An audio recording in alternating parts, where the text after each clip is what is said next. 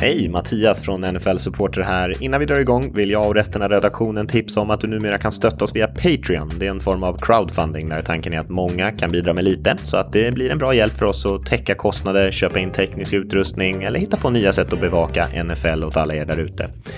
Självklart vill vi ge något extra tillbaka till alla som väljer att göra det, så vi kommer att bjuda in alla som stöttar oss via Patreon till vår redaktionschatt på Slack där vi snackar under matcherna och eh, pratar NFL i allmänhet. Vi kommer också släppa lite exklusiva poddar, erbjuda chans att förhandsboka event och plats i våra fantasyligor och annat smått och gott. Så kolla in patreon.com nflsupporter. Patreon.com nflsupporter.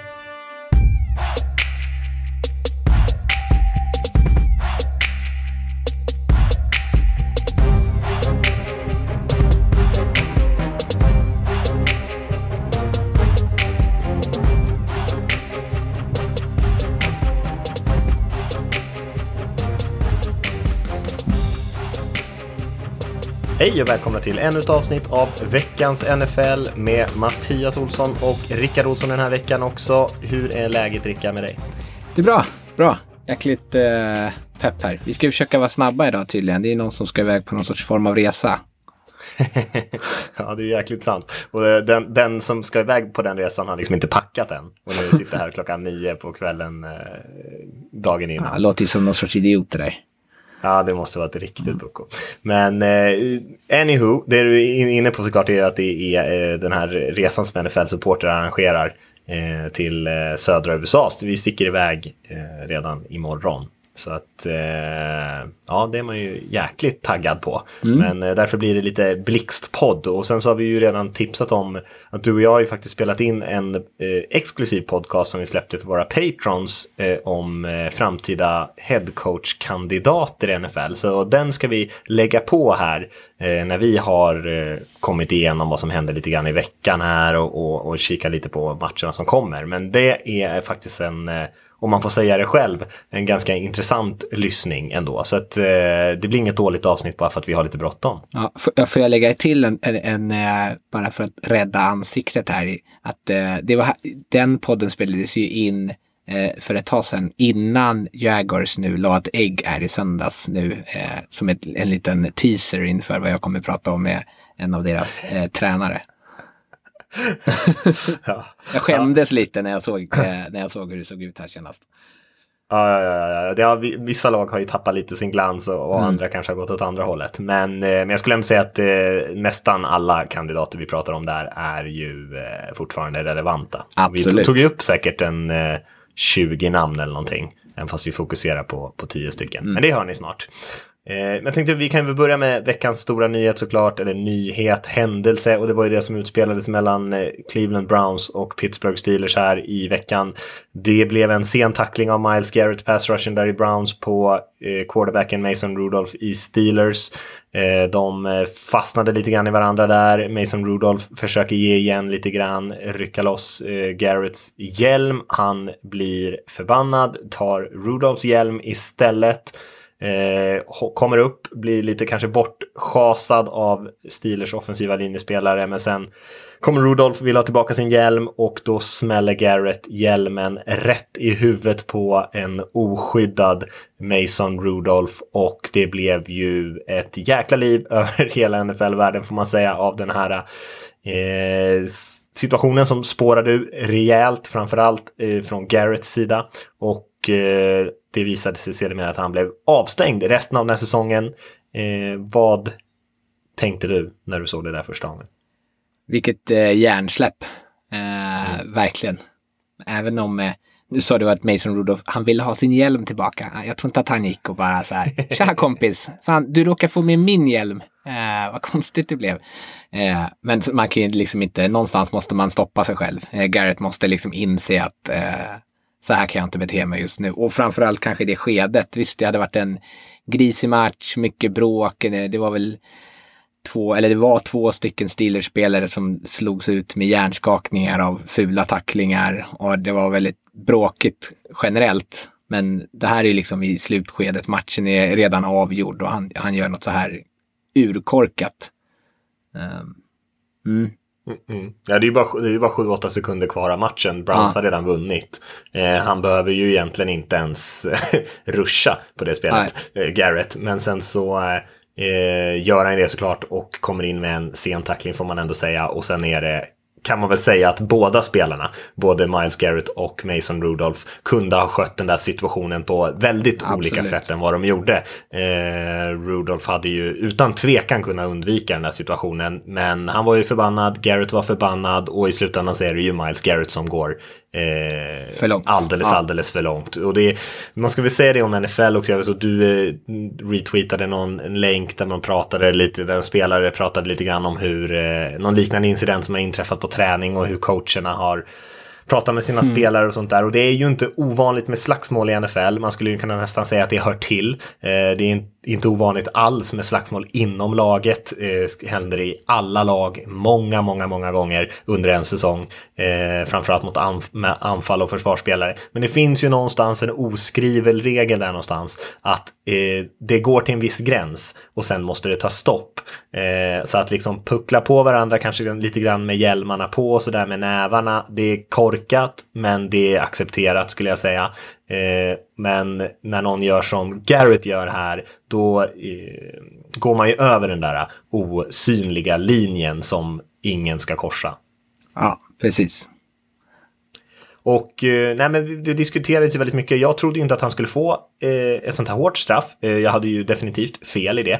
Eh, mm. Jag tänkte på så liknande incidenter som jag kunde dra mig till minnes. Det är ju såklart, det här är ju värre än det mesta vi har sett, skulle jag säga.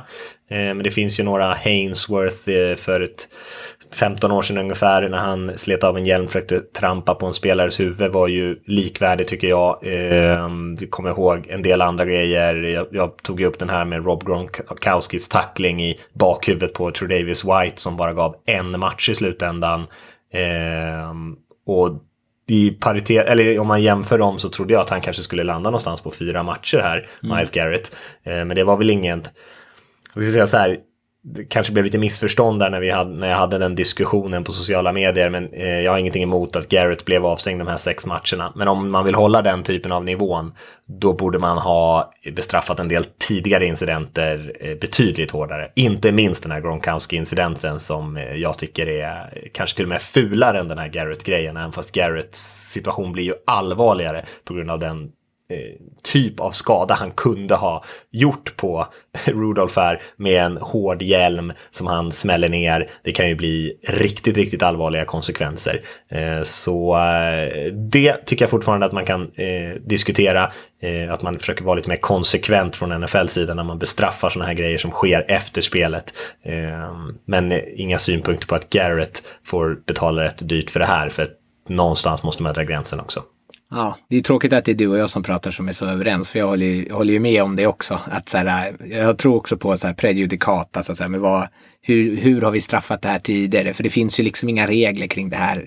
Om du slår en oskyddad person i huvudet med hans hjälm. Det, det kan ju liksom inte finnas. Det står inte det i regelboken. det står någonstans att man får inte använda hjälm som vapen. Hjälmen som ett vapen. Ja, det är någon gammal Raiders-spelare, jag kommer inte ihåg vem det är som gör det. Uh, Åh, oh, fan att jag tappade det. Gud vad pinsamt. Ah, eh, men det, den regeln kom till efter det. Eh, undrar om det är Laila Alzado? Ja, ah, det är det. Ja, ah, skitsamma.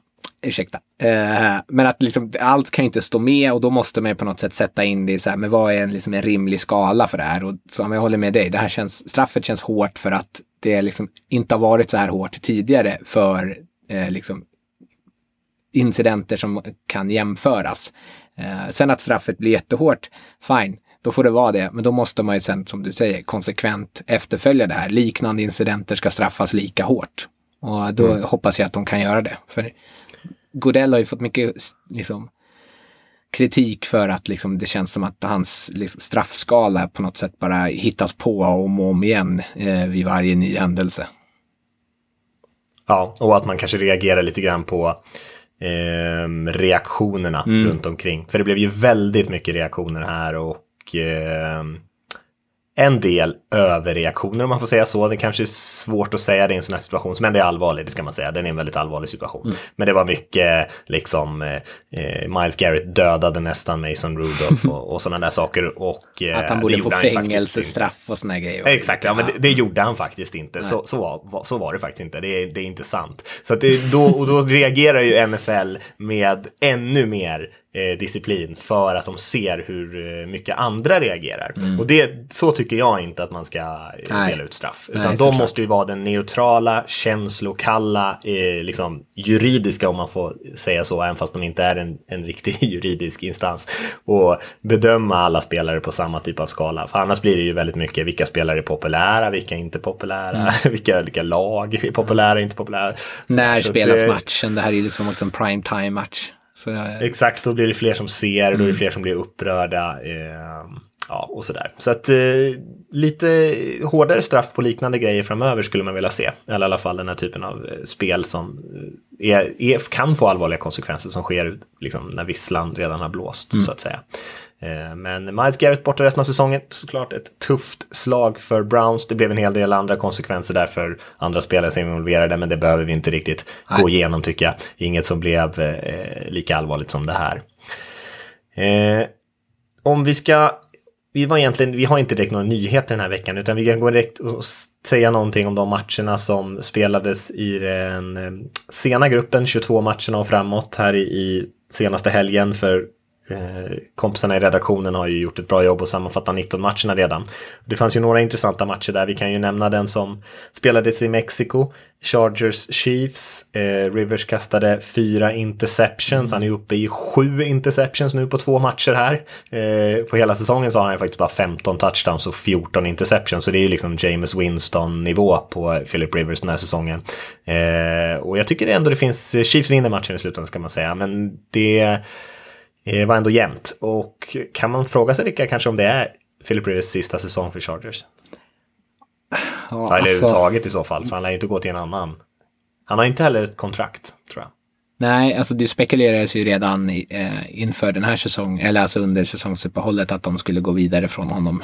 Eh, och de var ju sugna på Deshaun Watson i den draften när han kom ut, tydligen. Så eh, jag har nog det är svårt. Han är sån ikon liksom i, i, i, organisationen. Jag tror också att han har ganska mycket inflytande kring beslut och så. Eh, så det, jag vet inte. Alltså jag tycker att det är hög tid. Jag, han spelar på en relativt hög nivå, men han börjar ju bli lite Eli Manning-aktig liksom. Eh, om, det är svårt med så här heliga kor, hur man ska hantera dem. Så, eh, hade jag varit Chargers hade jag gått vidare och bara sagt att han kommer bara, han tar oss liksom till en viss punkt, men vi kommer inte komma längre än så med honom och då är det bättre att bara försöka hitta något nytt. Mm.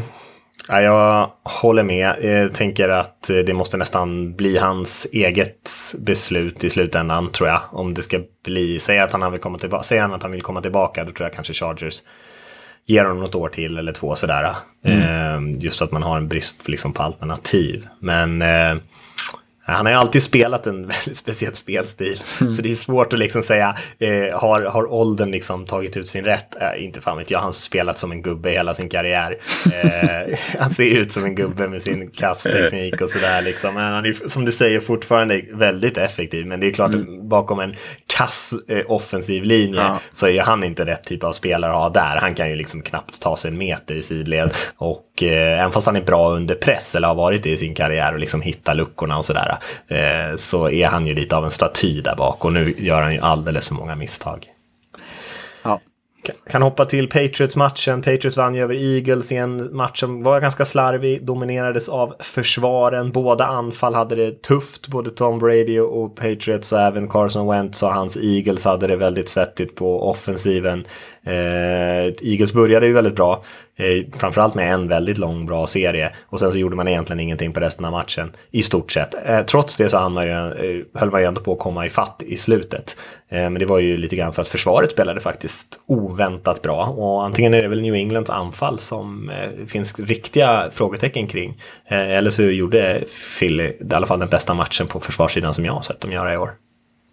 Eh, ja, det var eh, oväntat imponerat tycker jag. Framförallt att man kan täppa till eh, springspelet lite. Och det, alltså man kan täppa till det här försvaret, men att man på något sätt täpper till springspelet och, och tvingar eh, Patriots spela så mycket eh, passanfall. Eh, tyckte jag var imponerande. Och sen eh, vi måste jag lägga, slänga in här då att Carson Wentz var kastad, han kastade för, nu drog jag upp statsen här, eh, 214 yards, varav 94 yards var till Zach Ertz. Så det säger, jag tycker att det kanske säger en del om vilka problem de har med sina wide receivers. Så Nelson Aguilar hade ju några tappade bollar igen. Eh, så där det känns ju som ett Eagles, om de på något sätt hade tänkt att avsluta säsongen starkt och slåss om en slutspelsplats så måste de ju fixa sina wide receivers. Alltså dra på lite sådana här stickum, gammalt klister typ. De måste ju lära sig fånga bollarna. Ja, och det här var ju en, en av de tuffare matcherna såklart. De kommer ha en bra coverage-försvar i Patriots. Förstås. Men, eh, men det är klart, jag håller helt med dig. Det, är ju, eh, det var länge sedan man såg någonting spektakulärt från någon mm. Eagles eh, receiver. Utan det är Eh, man fångar kanske de där enkla ibland, men annars är det inte så mycket mer. Och det är klart att man skulle gärna se Carson Wentz göra en bättre match också. Men det är ja. lite svårt att bedöma honom kanske.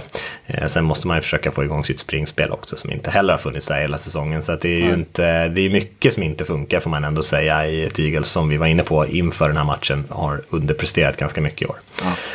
49ers vann i en oväntat tight match mot Cardinals också. Eh, Cardinals tog ju en stor ledning, 16-0, och sen så kämpades 49ers tillbaka och även fast det var tight nästan hela vägen så vann eh, San Francisco i slutändan där eh, efter en ganska bra avslutning på matchen framför allt och Jimmy Garoppolo som också spelade väldigt bra i slutet på matchen. Eh, men jag vet inte om det finns så mycket att säga om den egentligen. Eh, tycker att det finns fortfarande ganska mycket att gilla i Cardinals men de har ju inte truppen riktigt att, att eh, utmana på riktigt. Nej, det, nej de, de är ju liksom roliga att kolla på och, och med lite mer tid kan de ju absolut kanske bli ett lag som eh, kan börja slåss lite och eh, vara en liten nagel i ögat där ute. Det är en ganska tuff division som de eh, ligger i, tyvärr. Eh, men det är alltid kul med sådana här, vad säger outliers, de som ser lite annorlunda ut, som är lite udda. För det, det är ju svårt att på något sätt förbereda sig för, för andra lag. Att det är lättare att säga, ja men nu möter vi det här anfallet som påminner väldigt mycket om det här. Eller vi möter Seattle-försvaret som ser likadant ut i åtta olika lag i ligan. Liksom. Vi vet ungefär hur vi ska hantera den situationen. Men med Cardinals, när deras anfall verkligen börjar trumma, trumma på och liksom ett, ännu ett år eh, bakom spakarna för Cliff Kingsbury så kommer det, känns det som att de kan bli väldigt, väldigt svåra att ha att göra med. Mm, håller med dig. Om vi ska ta och göra en liten snabb titt utan att dyka in för mycket på vecka 12 här i alla fall Rickard innan vi släpper in eh, dig och mig i, i imperfekt höll mm. jag på att säga. våra, tidigare, våra tidigare jag.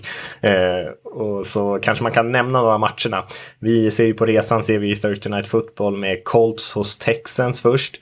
Eh, Indianapolis som verkligen fick igång springspelet senast hos Houston som försöker ta sig tillbaka lite grann efter att ha fått en rejäl överkörning av Ravens där. Och sen ser vi också på resan sen där på söndagen Panthers hos Saints. Så ändå väldigt mycket eh, divisionsfight-derbyn där för oss som, som åker över.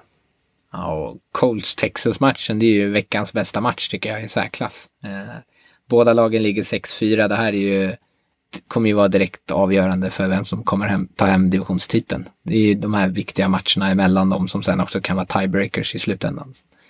Så kalasmatch att kolla på. Ja, den ska bli kul faktiskt. Panther Saints vet jag inte, det finns inte så jättemycket att säga om den tycker jag. Vi kan hoppa vidare egentligen. Det är ju ganska bra matcher på slutet där på eh, spelschemat. Vi har Seahawks Eagles bland annat. Eh, Eagles i totalt desperation mode, precis som Panthers är där mot Saints. Och sen har vi ju Cowboys Patriots där, eh, som också är en riktig höjdare mm. kan man ju inte säga. Mm, verkligen. Där får vi se ifall Dak och hans eh, imponerande passningsspel kan fortsätta. Då. Det pratas ju hela tiden om att Dallas ska överge sitt springspel, som du var inne på förra veckan. Eh, och liksom mer anamma det som fungerar i år. Eh, det kanske kan bli tuffare mot ett så bra, som du sa, försvar mot just pass. Mm. Mm. Jag håller med dig, men eh, två lag som, eller man kanske i alla fall väntar sig att tre av de här fyra lagen kommer vara någonstans i slutspelet som vi nämnde här nu. Så att, eh, det är ju lag som vi kommer få se mer av fram i januari också. Ja, såklart. Eh, två ganska intressanta matcher som avslutar den här veckans spelschema också. Packers hos 49ers och sen Ravens hos Rams. Eh, Packers 49ers känns ju kanske som den mer intressanta. Ravens har ju spelat väldigt bra, men det har ju snackats väldigt mycket om Ravens och Lamar Jackson på senare tiden. Men Packers 49ers känns ju spännande. Mm, vad tror du om den då? Ja, bra fråga. Jag tror ändå att eh, 49ers tar den. De känns som ett bättre, mer komplett lag så. Eh, även fast de har spelat betydligt sämre på senare tid. Men eh, jag tror den kan bli jämn ändå. Mm, jag tror att, hade den spelats i Green Bay då hade jag varit lite mer eh, eh nervös. Jag tror ändå att, eh, men jag har väldigt stort förtroende för 49ers.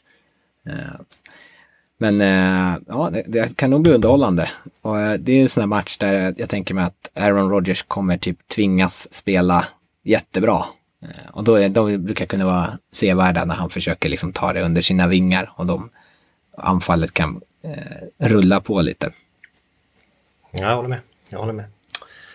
Ja, men vi kanske ska nöja oss där och så släpper vi in eh, dig och mig när vi pratar om eh, headcoach-kandidater, Rickard. Mm, absolut, det tycker jag.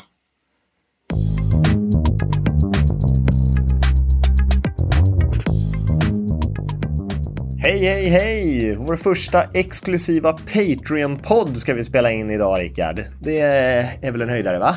Ja, verkligen. Det här är vi supertaggade för.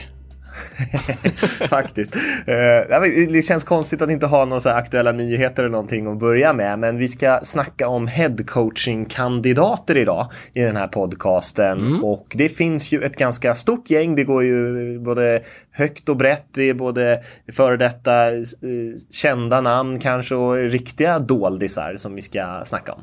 Ja, absolut. Och det är ju, vad är det, sex, sju namn varje år känns det som, som rullar eh, både in och ut. Så det, av dem så kan man ju alltid hitta 20 stycken tänkbara kandidater. Vi ska försöka begränsa oss lite idag kanske. Verkligen. Vi, vi siktar på att köra en topp 10-lista så kommer mm. vi nämna lite andra namn som är runt omkring där. Men kan vi säga också att vi sitter här i slutet på oktober och spelar in den här podcasten. Så eh, vi kommer fokusera på kandidaterna, de som eh, har potential att få de här jobben som så småningom blir lediga. För vi kan ju såklart spekulera i vilka jobb som kommer finnas tillgängliga, men vi vet ju inte riktigt det. Så därför kommer vi inte lägga jättemycket energi på det. Vi kan väl nämna att i veckans NFL så spelade vi faktiskt in ett avsnitt där vi pratade om eh, kandidater som var lite on the hot seat som man brukar säga. Eh, men om vi ska eh, kicka igång, Rickard, och eh, dra ut ett första namn på den här topp 10-listan. Vem skulle du vilja börja med? Då börjar jag med ett, ett, väldigt vanligt namn och det är Josh McDaniels som är offensiv koordinator i New England Patriots. Eh, och vanligt menar jag med att han, de har pratat om honom i flera år. Han är alltid ett av de första namnen som poppar upp när man pratar om coachkandidater. Eh, men frågan är om man kan få honom att lämna New England. I fjol så accepterade han ju ett jobb, eller i fjol, nej, det var eh, tidigare än så, två år sedan. Accepterade han jobbet som huvudtränare i Colts, men hoppade eh, av typ precis innan eh, han skulle gå upp och göra sin välkomstpresskonferens. Eh, jag kommer ihåg det. Ja, lite eh, osmakligt kanske tyckte många. Och så tänkte man, ah, han ska man inte röra vid. Men eh, Patriots framgång gör att man gärna bortser från att han kanske är en knepig människa. Eh, men Patriots, det, han, de gör ju allting för att behålla honom. Eh, så stödet därifrån väger ju tungt hos honom. Svårt kanske för honom att lämna, men också man har sett framgångarna i Patriots och eh, man kanske tycker att man vill kopiera det så mycket som möjligt. Han är relativt ung och relativt fortfarande så här nytänkande, men ändå erfarenhet. Han har varit head coach i Denver Broncos tidigare.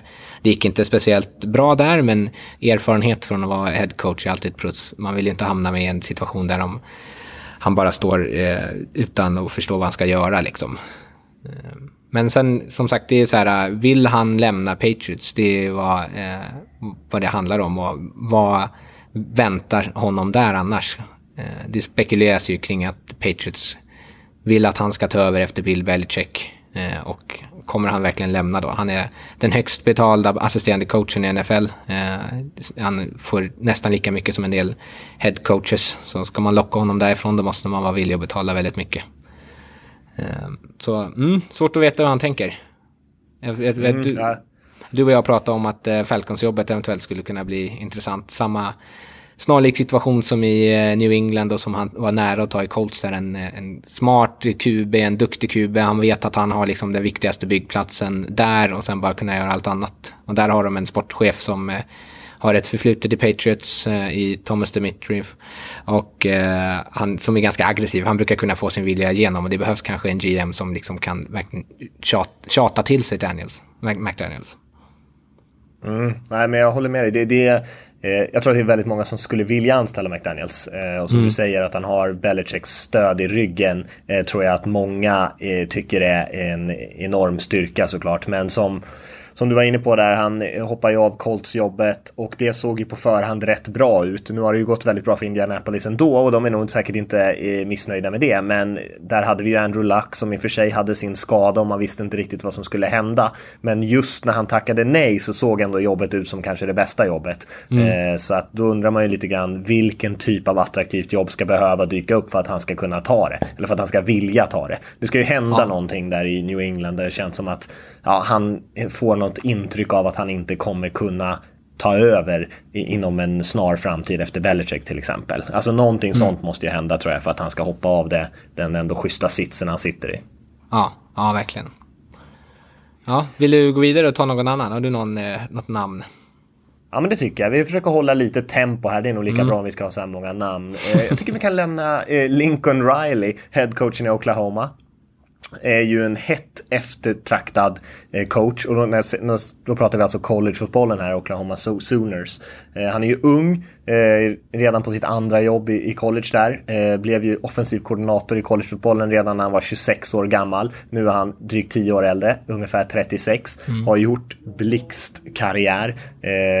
var ju QB i Texas Tech.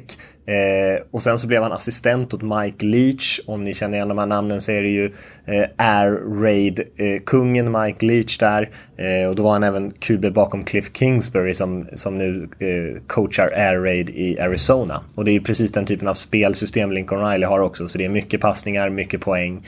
Eh, känns som lite som en QB-guru också.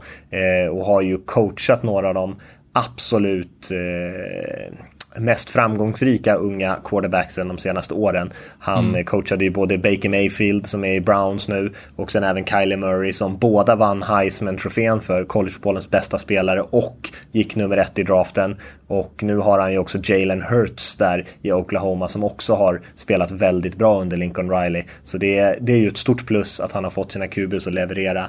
Eh, hans system passar på många sätt i det moderna NFL. De har öst in poäng. Eh, bara på de senaste fyra åren så har de gjort 25 matcher med över 50 poäng. Så det, det är ju liksom rymdsiffror nästan. Eh, också också på plussidan får man säga att det har varit ett stort intresse från NFL även tidigare år för Riley. Eh, och mycket handlar väl kanske om vad han själv känner är rätt för honom. Skrev nyss på ett stort kontrakt där i Oklahoma. Eh, så att eh, och dessutom en stor utklöp, utköpsklausul kopplat till det kontraktet. Eh, någonstans på 30-40 miljoner som någon måste casha upp för att överhuvudtaget få mm. loss honom rent juridiskt. Eh, och sen har han också sagt att han faktiskt inte är intresserad av NFL just nu. Men det tycker jag nästan öppnar upp. Alltså det tycker inte jag är något negativt. Det nästan öppnar upp lite grann att han lägger till det där just nu. Men han sitter på ett väldigt bra jobb och precis som McDaniels lär han inte ta vilket erbjudande som helst utan han kan nog vara ganska kräsen och om det inte är ett bra jobb så sitter han rätt bra där han är. Ja, precis. Och det är väl det som det är.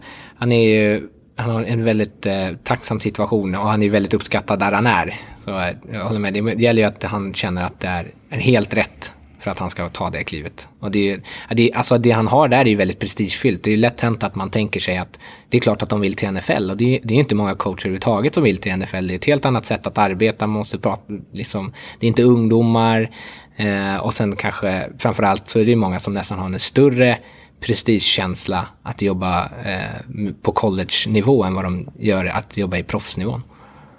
Ja, och man kan ju också säga att Eh, hans system fungerar ju väldigt bra där. Det finns ja. ju ingen garanti att det skulle göra det på nästa nivå.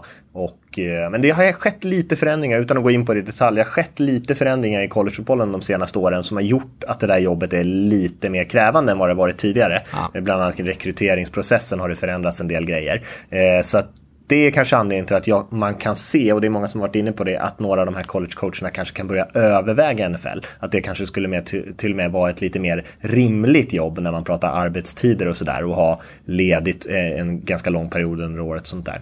Ja, men jag... jag tänkte lite på lag där för Lincoln Riley, eller mm. hade du något som du ville flika in där? Jag, jag, jag måste. Nej. Nej, men jag tänkte, det, det är kanske inte bara arbetstiden. Jag tänkte mer också till vad, vad, får man, vad, vad, får man, vad får man inte göra? En college coach har ganska mycket, ofta mer makt kanske än vad en oerfaren head coach i NFL skulle, skulle få mm. över liksom spelarbeslut och sånt. Exakt. Ja, det har man ju mycket mer autonomi så i ja. collegefotbollen definitivt. Jag tänkte på lite lag där. Mm. Eh, för precis som vi sa där, är, är, han kan ju vara kräsen tror jag. Eh, och jag funderar på Jacksonville-jobbet om det potentiellt blir ledigt. Jag tror inte mm. att han är mm. sugen på några av de här lagen som har halvt tankat den här senaste säsongen.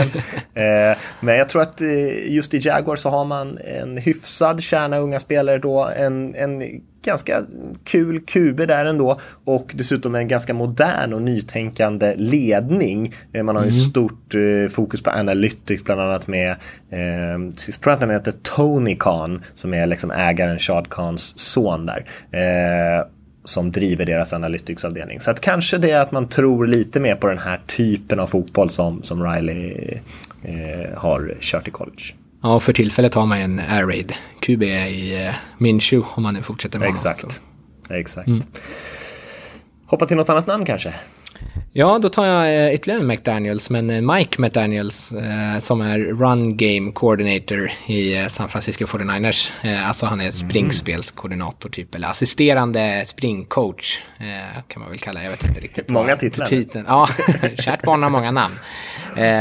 Men vi har ju sett framgångarna i 49ers under Kyle Shanahan i år och han har ju alltid haft ett bra springsystem och jag tror att på samma sätt som förra året så anställdes varenda person som har skakat hand med Sean McVay så tror jag att eh, väldigt många kommer försöka eh, hitta guldkornen i Kyle Shanahans stab och då eh, är eh, Mike McDaniels eh, någon som har följt honom jättelänge. Eh, han har varit med i Kyle sen Atlanta. Eh, han är har jättebra insikt såklart i systemet som är jättebra. Alltså Shanahan, det är ju någon sorts familjetradition att ha ett bra springspel. Det hade även pappa. Eh, ung och kreativ, så det finns ju mycket om man vill ha liksom, man inte vill hamna i de här gamla stofilerna utan man vill ha något nytt och fräscht. Eh, sen visst, man kan ifrågasätta, han är oerfaren som playcaller, han har aldrig haft det ansvaret egentligen som coach. Eh, och han har inte behövt liksom ska man säga, styra större grupper eller ha det här helhetsperspektivet på lagbygget. Utan han har kunnat vara väldigt nischad och fokuserad på sitt springspel. Men eh, jag tänker mig så som ligan nu mer, det känns som att vi har haft den här eh, inflationen utav passspel och nu har vi lite mer en tillbakagång att man börjar köra lite mer traditionellt eh, balanserat, mycket springspel också så tror jag att han kan vara väldigt eh, imponerande, eller väldigt lockande för några lag. Mm. Ja, det är ju verkligen den här som du är inne på att eh, de som har associerats med de här framgångsrika unga ja. smarta offensiva coacherna. Där har vi ju verkligen någonting där vi såg eh, kanske det gick till en extrem nivå med McVeigh och eh, mm. McDaniels har ju varit med längre än många av de coacherna. Ja, precis. Eh, du är inne på den stora nackdelen där också såklart. Hur, hur skulle han hantera ett jobb när han får bli the big boss liksom? Och mm. Eh, det är väl egentligen sånt som han måste övertyga om i intervjuer och sånt. Jag skulle säkert, mm. jag kan tänka mig, jag hade inte koll på den här killen innan du berättade lite om honom här, men jag, jag kan tänka mig att han kanske får några intervjuer i alla fall. Eh, mm. och sen är det upp till honom att se vad han kan göra av det. Ja, det är mycket handlar ju om pitchen då, som att säga, hur ska, hur ska han hantera den rollen, men också kanske Eh, Vilken som, stab får han ihop? Ja, precis. Det jag tänker komma till. Alltså många av de här unga tränarna som kanske inte har varit eh, högt upp eller högst upp på tottenpollen, vad har de för typ av kontakter och nätverk? Mm. Liksom? Vad får de för typ av coacher med sig? Det är nästan ännu viktigare. Um. Ja, McVeigh pratar man ju om Wade Phillips som kom in. Eh, mm. Kanske den mest erfarna DCn i ja. NFL, inte riktigt. Men, eh, men ex, extremt mycket erfarenhet, har varit headcoach och allting och kom in och hjälpte honom de första ja. åren eh, i Rams. Så jag menar, det, det är ganska viktigt att man har den typen av kontakter. Ja, precis. För det kommer man vara tvungen att redovisa, det kan man ju säga, alltså de som inte har koll på rekryteringsprocessen. För det första så kommer man ju vara tvungen att visa allt vad man vill göra på anfall, allt vad man vill göra på försvar, ja. sin syn och filosofi på lagbygge, kultur. Du kommer vara tvungen att redovisa vilken stab du hade tänkt ta in liksom redan på intervjuerna. Eh, och allt det här kommer de ju vara tvungna att visa för lagen som de intervjuar med. Eh, mm. Så eh, det är ingenting som man bara kan säga, ja men jag har en jättebra stab, det är inget att oroa sig för. Utan då kommer de fråga, vem, vem då? Vem ja. kommer vara din DC? Eh, kommer du kalla spel själv? Alla de här typerna av frågor. Mm. Ska vi gå skulle, vidare? Ja, om man skulle prata lag där så är det väl kanske något lag som vill ha den här typiska klassiska bollkontrollerande springspelsstilen. Eh, Mm. Och då vet jag inte vilka som kommer vara lediga. Men eh, det finns ju en del lag där man kanske har en bra running back och en dålig head coach och ett relativt bra försvar som man skulle kunna Mm. eh, trycka in honom i. Mm. Mm, nu får vi Kanske inte, den som kan vara, kanske inte den som kan vara mest kräsen där kanske, om han nu får de här chanserna. Nej, absolut. Eh, vi får väl se helt enkelt. Vi kan hoppa vidare till en eh, kollega till honom då kanske. Eh, I Robert Sala, Mm. defensiva koordinatorn i 49ers. Eh, det här är väl kanske ingen breaking news att han är en kandidat för ett headcoach-jobb här. Eh, det var ju lite snack om det även efter förra säsongen och då var det ju till och med så att fansen nästan ville att han skulle få sparken för att Ja. de inte producerade någon turnover så de inte maximerade talangen där i laget. Eh, men deras DC där, eh, Robert Sala i 49ers, eh, han mannen med ligans mest intensiva fist pumps. Eh, jag har ju varit extremt omtalad här under den här säsongen och, och en, en tid bakåt. Eh, många menar att han är mycket mer chill än sådär, mycket mer planerande och, och liksom metodisk än vad han kanske uttrycker på sidlinjen. Jag vet att det var ett par, hans familjemedlemmar bland annat blev chockade när de såg den där bilden, att han liksom aldrig skulle bete sig sådär. Men eh, det är i alla fall det som sitter i mitt huvud, hur, hur han är som person. Eh, alltid co- coachat försvar. Eh, varit i Seattle eh, och tagit med sig mycket av det systemet eh, till 49ers också som han sen har tweakat lite grann. Eh, coachat en del linebackers eh, i Jacksonville bland annat. Eh, men det har gått väldigt snabbt för honom. Eh, de gjorde inte någon jättesäsong på försvaret förra, förra året. Eh, och nu blev det ju en väldigt snabb start på den, på den här säsongen. Och Eh, Eh, då kan man ju undra lite grann om eh, hur mycket är det spelarmaterialet och hur mycket är det coachinsatsen. Eh, Han har ju själv sagt, Robert Sala, att eh, i det här jobbet oavsett hur mycket de älskar det idag så tvekar de inte att spetsa dig på en högaffel och tända eld på dig imorgon. Och det har han ju helt rätt i såklart, eh, Sala. För precis så är det i NFL. Det är liksom, eh, ja men du bara kolla på Kirk Cousins story eller vad som helst liksom. Det, det går från vecka till vecka om, om man är liksom eh, the golden boy eller sämst i världen. Men det man kan se på plussidan där, hans försvar har spelat väldigt, väldigt bra. Eh, och med mycket, massor av energi, samma energi som han visar på sidlinjen.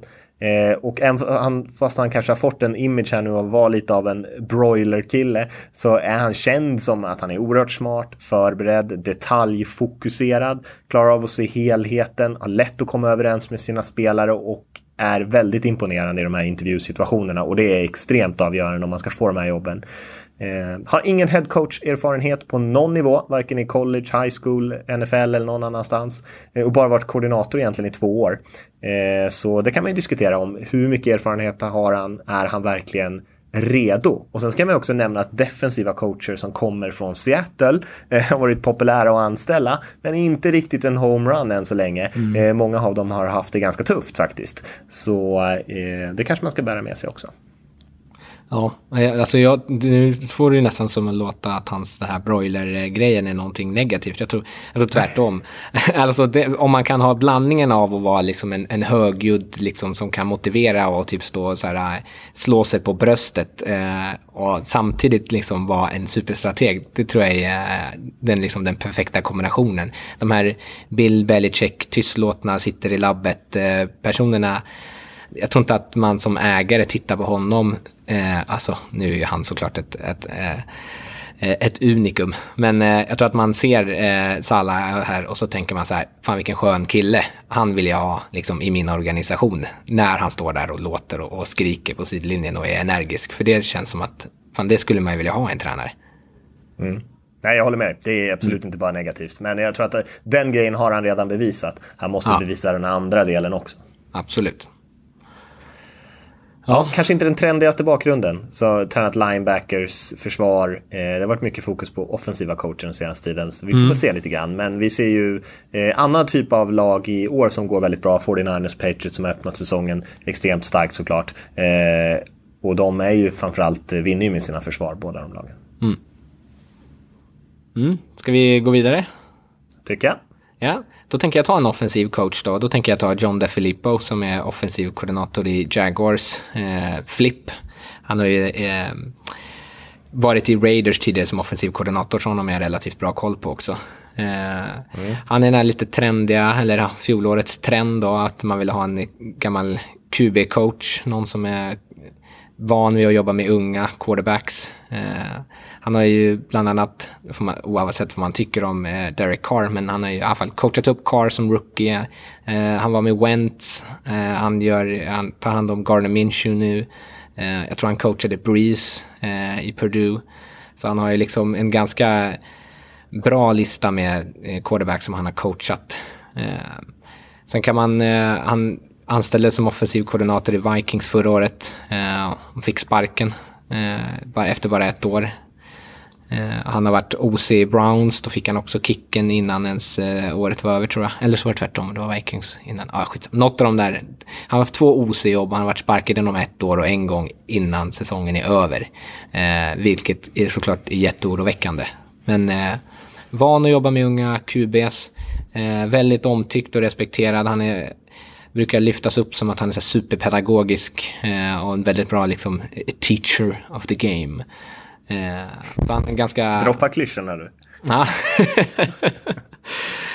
Men sen har han ju också så här, eh, han har ju rört, rört runt lite på sig en del, så han har ju ganska mycket erfarenhet från olika typer av system. Eh, och träffat många olika tränare. Han har varit med i många olika staber med ganska många bra tränare runt sig. Så han, där tror jag någon som skulle kunna hitta en helt okej okay stab ändå, även fast han själv inte har så mycket eh, erfarenhet som playcaller eller varit, som sagt, då, eh, haft jättemycket ansvar.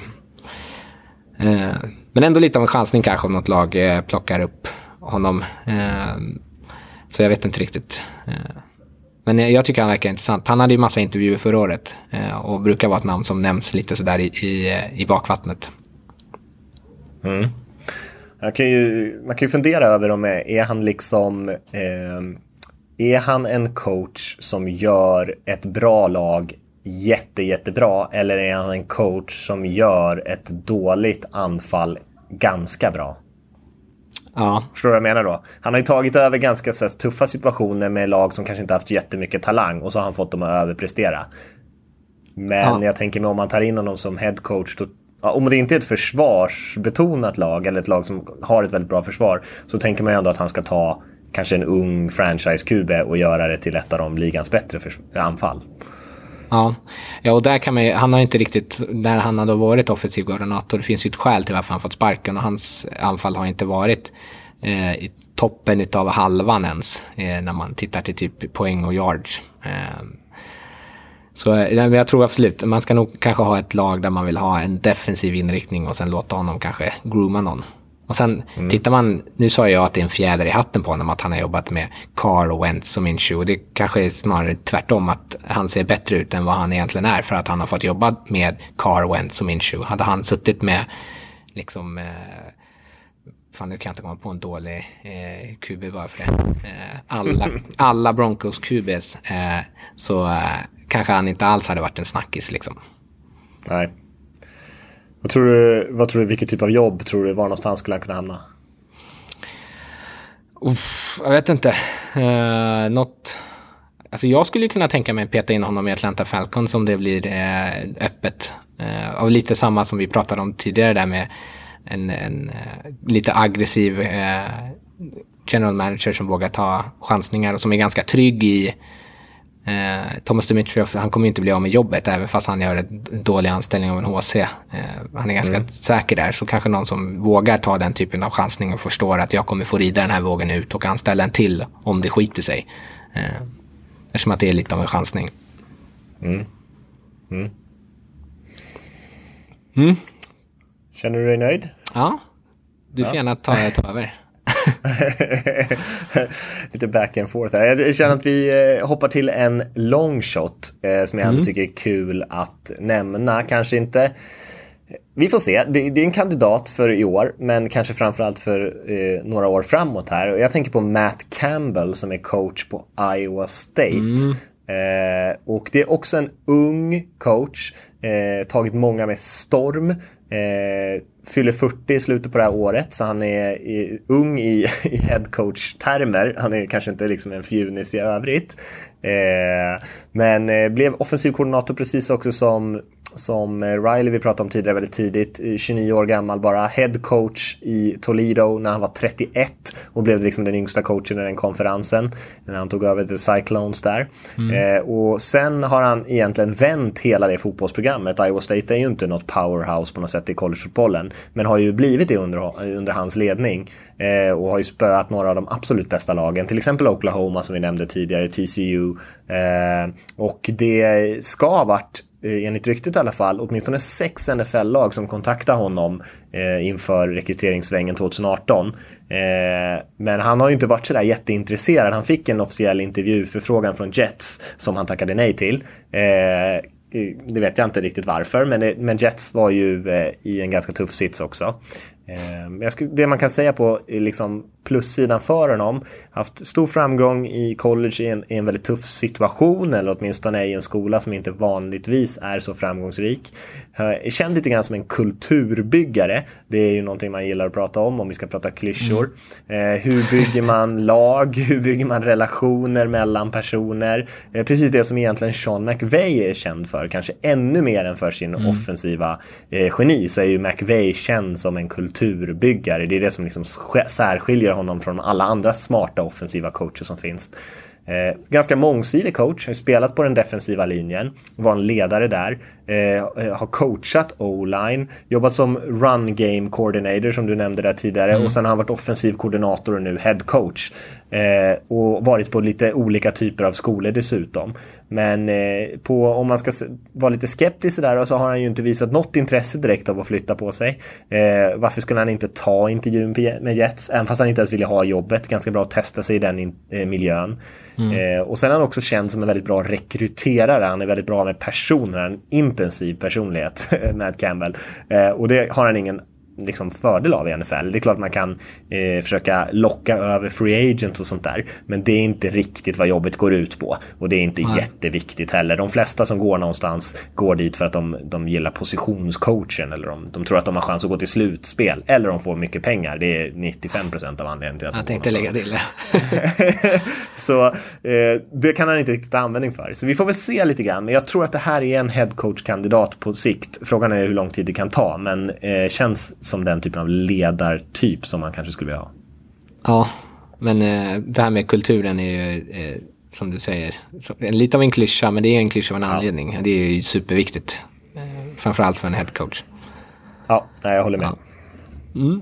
Ja, tänker du, vad skulle du kunna tänka dig för lag som skulle kunna plocka in honom då? Eller vilka skulle locka honom? Eller vad behöver han för att kunna ta steget då från college till NFL? Hmm, bra fråga. Alltså han skulle ju mm. behöva få med sig en bra stab. Så jag tror att det är lite grann att han får liksom, eh, att han har den typen av kontakter. För att han är ju inte så här, han är inte superkänd som någon så här geni offensivt eller defensivt så. Så att han skulle nog behöva ha lite, att han får med sig rätt personer så att han kan bygga en schysst stab. Och sen tror jag också att jobbet i sig att det måste liksom vara rätt stabilt tror jag. Han måste kunna få tid. Eh, men jag tror inte att det behöver vara en vinnare direkt. Jag tror han kanske kan gilla den utmaningen. Att det är är att han har lite jobb framför sig. Men det måste nog vara det får inte vara några av de här organisationerna som byter tränare varannat år och sånt där. Jag, jag tror inte att han är intresserad då, för att han har ingen brådska liksom. Nej, Nej intressant. Mm. Ska vi eh, gå vidare? Ja, kör. Ja, jag en annan eh, litet eh, unikt namn kanske. Dave to Tobe. Tobe. Tobe. Tobe. Ja, special mm. team coach i Chiefs. Han har också varit en sån här namn som har eh, nämnts. Han har varit på en del intervjuer, han var Colts-jobbet bland annat vet jag. Eh, och det, det, det ger honom alltid några intervjuer varje år, men han har inte riktigt eh, lockat någon ännu. Eh, lång erfarenhet inom special teams, han har, och det är det enda han har gjort, han har aldrig provat någonting annat. Eh, och det är inte alltid man får så special team coacher som blir huvudtränare. Eh, Belichick har väl coachat det en gång i tiden. Annars är det väl eh, John Harbaugh som är eh, den enda liksom, man ska, renodlade special teams-coachen som blev eh, head coach. Eh, men man brukar prata om det då att man, det, man är som special team coach, man har ett ganska unikt eh, perspektiv på laget för att man behöver ha det här paraplyperspektivet på truppen. Vilka spelare kan jag ha? Vil, eh, vem är det? Och man är, är en av få egentligen, på, alltså, förutom headcoachen som någon gång adresserar och pratar med hela truppen eftersom att eh, hela truppen på något sätt är involverad i special teams. Eh, han har över 20 års erfarenhet som tränare eh, och så Eh, och för tillfället eh, assisterande head coach i Chiefs då. Eh, så han är nog... Eh, han har nog lärt sig hantera veteraner.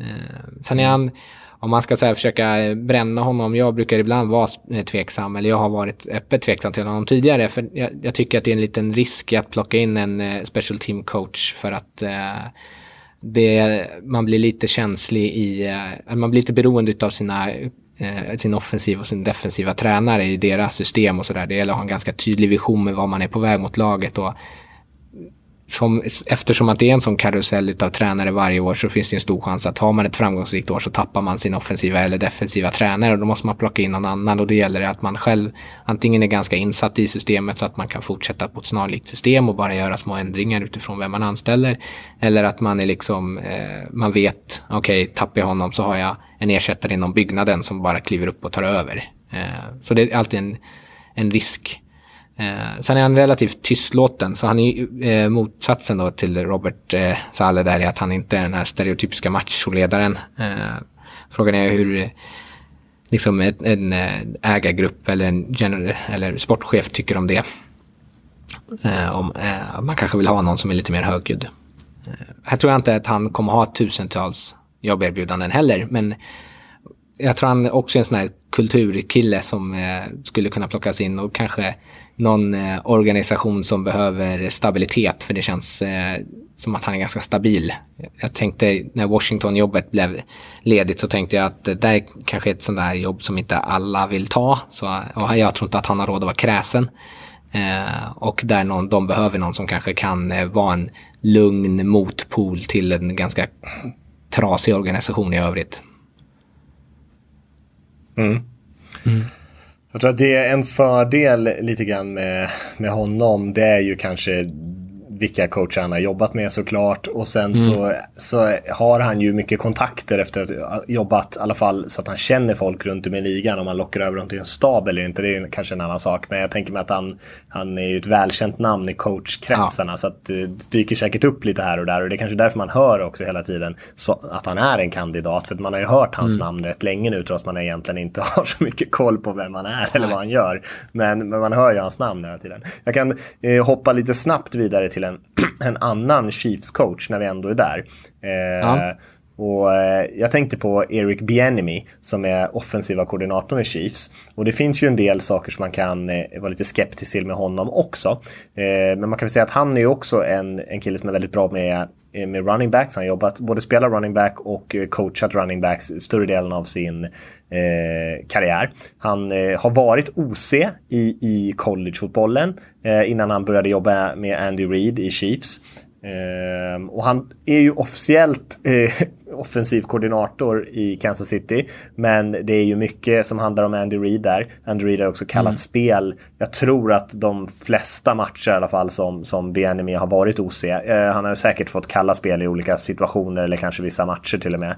Eh, mm. Det har jag faktiskt inte hundraprocentig koll på. Men, men Andy Reid tog ju tillbaka playcalling eh, tjänsterna, eller väl playcalling-uppdraget eh, när de tappade sin tidigare OC. Eh, mm. Men eh, han är i alla fall väldigt, väldigt involverad där och det är man ju väldigt noga att påpeka hela tiden. Han intervjuade med fyra lag i fjol. Eh, så det är ju, får man ändå se som positivt om man nu ska få ett jobb. Men man har ingen aning om hur nära man får de jobben. Eh, du pratade ju om Tube där och eh, Andy Reid och hans coachträd är ju liksom eh, berömt skulle jag säga. Den eh, tränare ja. i NFL med absolut mest framgång utan konkurrens skulle jag säga. Eh, bland aktiva coacher var hans liksom eh, de som har jobbat under honom har åstadkommit Doug Peterson, Matt Nagy, Ron Rivera, John Harbaugh, Sean McDermott. Man kan hålla på länge, länge eh, vidare med olika coacher som har jobbat under Andy Reid i hans karriär. Eh, mm. Men det som man kan diskutera med Benjamin är såklart hur mycket ansvar har han haft. Andy Reid, kanske den bästa offensiva coachen i NFL. Eh, hur mycket påverkar Bjärnemi det? Eh, men å andra sidan så är det positivt att ha hans stöd i det. Eh, han har mm. aldrig varit head coach, inte koordinator ens i, i, eh, på någon riktig så här powerskola i collegefotbollen eller i NFL egentligen om man nu inte räknar det här som ett fullvärdigt OC-jobb. Ah.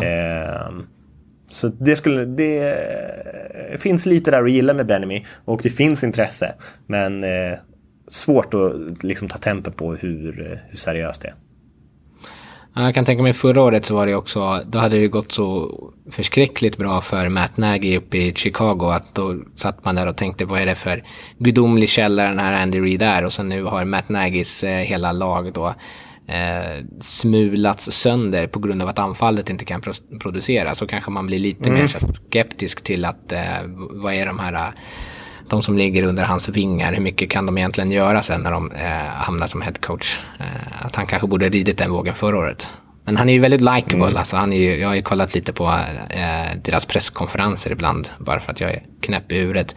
Eh, men han är, han är ganska rolig att kolla på. Han är ganska skön, väldigt avslappnad. Så jag kan tänka mig att spelare tycker, alltså, tycker väldigt mycket om honom.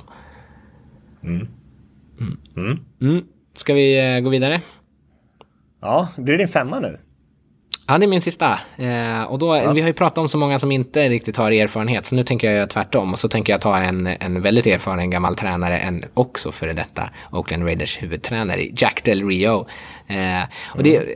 kanske lite utanför lådan, liksom. Nu sitter han ju som någon sorts typ av expertkommentator. Eh, men eh, han jag tycker ändå att det finns ett enormt värde av någon som har erfarenhet som huvudtränare. Och han har liksom haft, varit headcoach i 12 år, så han, han kan ju det där. Eh, han är ändå nära liksom 500, alltså att han har vunnit lika mycket som han har förlorat. Han har nått överskott och förluster. Eh, vilket låter dåligt, men rent, tittar man över karriärer så är det, är det liksom, ligger man runt 500 som han ändå lyckats relativt bra. Eh, han fick sparken från Oakland, oförtjänt eh, kan man tycka. Det var ju för att Mark Davis äntligen lyckades fiska in sin eh, Moby Dick i John Gruden. Eh, uppskattad av eh, sina spelare. Eh, många som gick ut och försvarade honom eh, många gånger i, i, när han var i Oakland. Eh, han är kanske känd för att han är duktig på att motivera sina spelare. Vilket kritiserats för att han är inte lika mycket av en strateg kanske. Eh, han vände Oakland Raiders, de var ju helt förskräckliga eh, innan han kom. Eh, vände dem, gjorde dem till ett slutspelslag. Eh, nu red de på kanske en våg av överprestation det året och eh, underprestation av motståndet. Men man ska ändå ge honom att han tog dem till slutspel. Sen förlorade han sin match där eh, visserligen, men då hade de ju sin tredje eh, QB för att deras ja, reserv var försiktiga. Men Derek Carr skadade sig så var de tvungna att spela med sin eh, rookie eh, Connor Cook och det gick åt helvete. Eh, ska man vara lite kritisk, ja då är det väl att han eh, som head coach har han bara vunnit fler än hälften av matcherna tre gånger på de här tolv åren och det är ju förskräckligt dåligt. Nu har man visserligen haft Jaguars eh, och eh, så har han varit i Raiders. Så han har inte varit kanske i de stabilaste och bästa eh, organisationerna. Eh, och då har han bara vunnit på de här tolv åren en slutspelsmatch, vilket är eh, helt oresonligt eh, dåligt. Eh, mm. Och sen, sen är frågan hur sugen han är. Han är nog rätt nöjd som han är. Han fick en förlängning av Raiders precis innan han, alltså året innan han blev av med jobbet. Så han sitter ju fortfarande och cashar in lön därifrån. Så han har det nog rätt gött att åka runt på sin fiskebåt och sen åka in och vara lite expertkommentator då. och då. Men eh, vill man ha någon, eh, någon liten gammal räv i spelet som man tänker att så här, ja, men han har erfarenhet, då är, kan jag tänka mig att hans namn ploppar upp. Mm. Jag tror i, i, generellt så tror jag ändå att coacher som har fått chansen som huvudtränare misslyckats få chansen igen är en ganska bra väg att gå. Det är ju många som mm. har lyckats på det sättet. Jag tänker på Belichick, tänker på Carroll, tänker på flera av de här eh, coacherna som vi har sett. Eh, mm. Andy Reid fick sparken i, Eagles. Eh, mm. Hade ju inte heller slutspelsvinsterna på sitt konto. Eh, I och för sig ja. var han ju betydligt bättre än vad Del Rio har varit i sin karriär. Ja. Men oavsett vilket, det, det, finns liksom en historik där av att det, det är inte så dum idé. Eh, Ja, ja, jag ska inte säga att han är helt utesluten. Jag vet inte, men man hör så lite om honom nu för tiden så frågan är om han liksom mm. är lite utanför loopen eller om han helt, helt enkelt själv liksom inte har varit intresserad av att liksom riktigt vara eh, i loopen. Så eh, vi får ja. väl se lite grann. Eh, det, det är möjligt att man börjar höra lite mer viskningar om han eh, Deleria lite längre fram här. Men eh, han behöver säkert ha rätt spännande koordinatorer för att det ska kännas som en inspirerande signing tror jag. Ja. För det här är väl kanske inte det sexigaste valet från den organisationen som skulle anställa honom som headcoach. Nej, det är det inte. Men han har ju däremot säkert en del eh, kontakter. Eh, som, som du säger, ja. kan han få igång en, liksom en stab som, och göra det här helhetsbygget eh, som kan locka. Så absolut. Vill du ta din eh, sista, N nummer 10 på listan? Ja, nej men jag är ju väldigt mycket för unga offensiva coacher här märker jag nu. Jag vet inte varför mm. riktigt. Men eh, jag tänker att man kan lyfta Nick Siriani, eh, eller Siriani, som är offensiv koordinator i Colts. Eh, Colts, man skulle ju kunna lyfta både deras defensiva och offensiva koordinator egentligen. Eh, men jag väljer Siriani här ändå. Eh, 38 bast, före detta wide receiver coach, landade OC-giget där i Indianapolis 2018. Eh, gjorde ett jättebra jobb med Andrew Luck när han kom tillbaka eh, mm. från sin skada med att undvika för mycket smällar och den typen av grejer. Och sen har han gjort ett jättebra jobb under 2019 här med Jacoby Brissett under relativt tuffa förutsättningar. Det är inte alltid så kul att titta på Colts, det är inte så explosivt det där anfallet, men de är effektiva och vinner matcher. Och eh, han gjorde en intervju också i fjol med, med Browns. Eh, och finns lite buzz kring hans namn. Eh, tycker han mm. gör ett riktigt bra intryck där i Colts nu. Välbalanserat anfall, springer och passar bollen ganska eh, i en bra balans och man är hyfsat på båda. Eh, ung offensiv coach som vi har pratat om, den, en kombination vi känner igen där. Eh, både pappan och hans farbror har varit huvudtränare i college. Eh, brorsan är det just nu. Så det finns gott om coacherfarenhet i familjen som han kan säkert lärt sig massor därifrån och kan luta sig mot. Även fast han själv inte har någon headcoach-erfarenhet. Bara mm. två år som offensiv koordinator så relativt oprövad. Kanske är något år bort ändå för honom men vi får se. Och sen så undrar man ju hur mycket är Frank Reich där i Colts som eh, har seglat upp som en av de mest imponerande huvudtränarna i NFL. Eh, där i Indianapolis, eh, Eagles gamla OC. Så eh, det är alltid svårt att separera om man har en duktig offensiv coach som, som head coach. Men jag tror ändå Siriani kommer få chansen att gå på lite intervjuer och se om han kan imponera på någon. Ja, mm. Ja, jag håller, jag håller med om det här oron kring eh, eh, Frank Reich och hur, hur, mycket han är inne och pillar egentligen. För det eller, det, är, det är ju hans anfall liksom. Och frågan är hur det skulle se ut om Sirianni får, får liksom designa upp sitt eget. Mm. Mm. Ja, visst. Ja, visst. Mm. Eh, det var topp 10-listan Niklas. Ska vi nämna några ja. namn som inte fick komma med på listan här nu? Vi behöver inte säga så mycket om dem kanske, men vi kan väl nämna till exempel några av de coacherna som vi känner igen väldigt väl, men som inte längre har kvar sina jobb. Mike McCarthy som var huvudtränare mm. i Packers. Jag känner att vi inte behöver göra någon presentation av honom, men självklart är han en, en jättehet kandidat på de här nya jobben. Samma sak med Jay Gruden som har fått kicken från Washington Redskins. Båda de coacherna eh, lära ha jobb om de skulle vilja. Sen om de tar headcoach-jobb eller OC-jobb eller vad det nu är eh, så mm. ska vi definitivt nämna dem. Men det fanns ju en anledning till att vi inte gjorde en hel harang om dem. Eh, de flesta som följer mm. NFL känner ju till dem. Mm. Man kan lägga till eh, Chris Richard, defensiv koordinator Cowboys. Eh, återigen det här Seattle-systemet så kanske inte superlockande då eftersom att alla inte har lyckats med det. Men han har gjort ett bra jobb där. Eh, också ganska ung. Eh, ganska cool, eller jag på att säga. Men jag tycker han ser cool ut. Ganska cool kille. Ehm, mm. Terry Laston, eh, som är Steelers nu, var i Lions defensiv koordinator förut. Han har allt, hans namn slängdes runt ganska friskt förut och sen så bara helt försvart, plötsligt försvann han från radarn. Men han är nog ett namn som kommer dyka upp. Mm. Mm. Kan nämna eh, Ryan Day som är headcoach på Ohio State. Är ju en sån där som många nog är sugna på, men som det känns mm. som att det är en longshot han ska lämna. Har ju varit i NFL, eh, också extremt framgångsrik i college. Eh, coachade Dwayne Haskins där, Ohio State, så att eh, Redskins kanske gör ett försök. Eh, mm. Men pratar väldigt mycket om sin livskvalitet, sin familj och sådär. Och att de inte ska flytta och kidsen ska byta skola och såna grejer. Så det har verkligen låtit som att han inte är sugen. Eh, vi kan nämna Matt Eberflus, eh, defensiva koordinatorn i Colts. Vi nämnde ju hans kollega där, Siriani. Eh, en kul, ett kul namn som jag eh, sprang på är eh, Harry Highstand som är offensiv linjecoach i Chicago Bears. En riktig longshot på att få ett headcoach-jobb såklart, men har ett ganska positivt rykte om sig vilken typ av pedagog och ledare och person han är. Och han har ju utvecklat eh, ett gäng av NFLs absolut bästa offensiva linjespelare både på Notre Dame och sen han kom till NFL har han eh, varit precis lika imponerande där. Så att det är ju en, i alla fall en eh, coach som förtjänar ett omnämnande även fast han kanske inte har så stor chans på på HC-jobben i år. Jag vill också nämna bara Brett Billema som är defensiv linjecoach i Patriots. Eh, har ju klättrat lite i organisationen där, har ju haft ett, en lång erfarenhet som headcoach i collegefotbollen.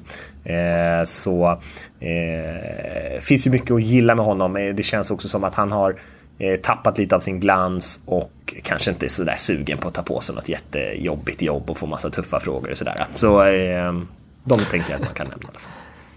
Mm. Mm. Har vi något mer som vi vill slänga ut? Nej, nu tycker jag vi har slängt ut alldeles för många namn, eller på att säga. Gott om namn. Ja, men det var jäkligt gott. Vi håller det tight mm. under 30 minuter. Nu är vi under 45 tror jag, så det, ja, det är väl alldeles precis. lysande. Eh, men eh, eh, vi säger väl så då, knyter ihop den här säcken. Headcoach-kandidater, topp 10-listan med lite extra eh, strössel ovanpå. Så eh, tackar mm. vi er för att ni har lyssnat allihopa. Ja, tack.